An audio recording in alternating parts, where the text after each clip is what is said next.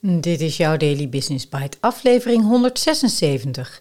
Leadership Secret Number 1: Pure Energy. Een artikel van Tony Robbins op LinkedIn.com. En ik ben je host, Marja den Braber.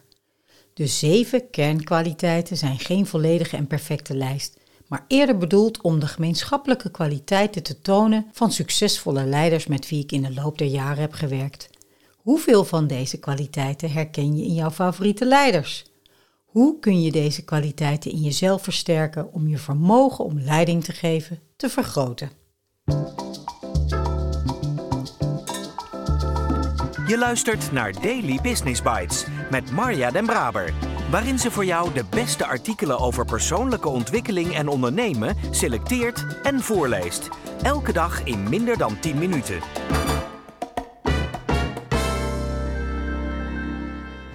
De eerste kwaliteit die we zullen bekijken is pure energie. Pure energy.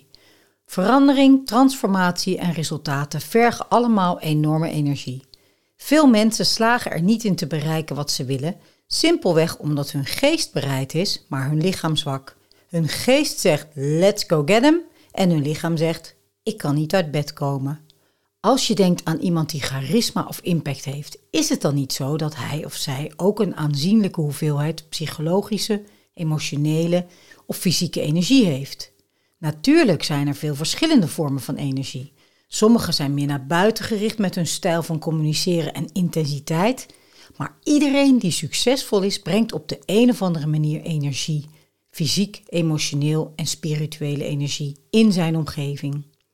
Het vermogen om die energie aan te spreken, zelfs als je uitgeput bent, zelfs als de dingen niet gaan zoals je wilt, scheidt vaak degene die op het hoogste niveau presteren en leiding geven van degene die tekortschieten. Er zijn bepaalde fundamentele dingen die mensen doen om hun energie te verhogen, ongeacht hoeveel slaap ze hebben gehad of hoe hoog hun bloedsuiker is. We hebben allemaal wel eens moeilijke dagen gehad, waarop we ondanks de omstandigheden iets in ons binnenste ons in een staat bracht waarin we opstegen en iets buitengewoons lieten gebeuren. Wat was het dat dat mogelijk maakte? Onze energie en onze psyche of persoonlijkheid, want die zijn met elkaar verbonden. Bijna iedereen kent wel iemand wiens psyche zo slecht is dat hij of zij een kamer binnenloopt en de energie overal uitzuigt. En we weten ook dat er anderen zijn die het tegenovergestelde doen. Zij brengen energie in elke omgeving waarin ze leven. Mensen trekken naar hen toe. Het wordt vooral nijpend wanneer de persoon in de leidende positie geen energie heeft. We weten allemaal wat het doet met de dynamiek van een organisatie. Het is geen geheim dat we in moeilijke economische tijden leven. Jouw vermogen om een concurrentievoordeel te vinden, om jouw capaciteit en de ware capaciteit van jouw team aan te spreken, zal vaak gebaseerd zijn op jouw vermogen om energie en de emoties van de mensen om je heen te veranderen. Ik heb het niet over naïeve benadering van het leven waarbij je jezelf door positief denken wijsmaakt dat alles goed komt. Ik heb het niet over jezelf voor de gek houden. Het type persoon waar ik het over heb is iemand die de moeilijke beslissingen kan nemen en de nodige actie kan ondernemen om de zaken te keren, ondanks de uitdaging. Met andere woorden, een echte leider. Iemand die over de echte problemen kan praten, iedereen de uitdagingen onder ogen kan laten zien en genoeg energie heeft om de nodige oplossingen te vinden, zelfs in de meest erbarmelijke omstandigheden. Zonder energie beweegt er niets, verandert er niets.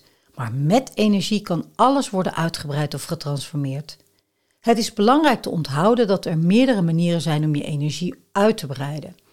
Eén daarvan is om fysiek voor jezelf te zorgen, je lichaam te trainen, zodat je een goed gevoel van energie en uithoudingsvermogen hebt. Maar je kunt ook energie vinden, zelfs als je uitgeput bent, door een visie aan te boren, een doel dat niet alleen jezelf, maar ook je team energie geeft. Vaak voelen mensen zich uitgeput niet omdat ze fysiek niet in topvorm zijn of geen visie hebben, maar omdat ze innerlijke conflicten hebben. Ze proberen te voldoen aan twee verschillende meesters die elkaar niet ondersteunen, waardoor hun energie verdeeld raakt. Het vinden en verenigen van visie en doel is wat zoveel grote leiders kracht hebben gegeven. Steve Jobs was beroemd, of in sommige gevallen berucht, om zijn niet aflatende intensiteit. Dit kwam voort uit zijn onverdeelde focus om de beste producten en het beste bedrijf ter wereld te creëren. Evenzo creëert de norm die Steve Wynn voor zichzelf en voor elk lid van zijn team hanteert, Een energiek momentum dat niet alleen hem persoonlijk raakt, maar ook iedereen aan wie hij het voorrecht heeft leiding te geven. Het belangrijke onderscheid hierin is dat je niet kunt managen wat je niet weet. Dus hoe zou je jouw energieniveau beoordelen op een consistente basis? Vooral wanneer de dingen niet gaan zoals je wilt. Wat zou je jezelf geven op een schaal van 0 tot 10? Als het cijfer niet hoog genoeg is om een effectief leider te zijn, wat zou je dan kunnen doen om het te verbeteren? Daily Business Bites met Marja Den Braber. Je luisterde naar een vertaling van Leadership Secret Number 1, Pure Energy, door Tony Robbins. Zeven kernkwaliteiten zet Tony in zeven verschillende artikelen uiteen. Of ik van alle zeven aflevering maak, is nog even de vraag, maar de tweede in ieder geval, want die gaat over emotioneel meesterschap. De belangrijkste nuggets uit dit artikel. Verandering, transformatie en resultaten vergen allemaal enorme energie. Zonder energie beweegt er niets, verandert er niets, maar met energie kan alles worden uitgebreid of getransformeerd. Fysiek voor jezelf zorgen helpt sowieso, maar ook bijvoorbeeld het aanboren van een visie of een aantrekkelijk doel. En zorg dat je meet wat je wilt weten. Het artikel doet me ook denken aan de definitie van leiderschap die Stefan en ik vaak gebruikten in onze leiderschapsprogramma's, gebaseerd op Altijd Scherp van Jim Leur. Een leider is fysiek fit, emotioneel in balans, mentaal gefocust en verbonden met iets dat groter is dan zichzelf. Nou, daar kan je wel even mee aan de slag zijn, maar dat mag ook. De vraag stellen is in ieder geval een goede start en de schaalvraag handig. Dus op een schaal van 0 tot 10 zou ik dus niet alleen mijn energie scoren, zoals Tony in dit artikel vraagt, maar ook hoe fysiek fit ben ik? Hoe emotioneel in balans? En hoe mentaal gefocust? Ik spreek je graag morgen weer.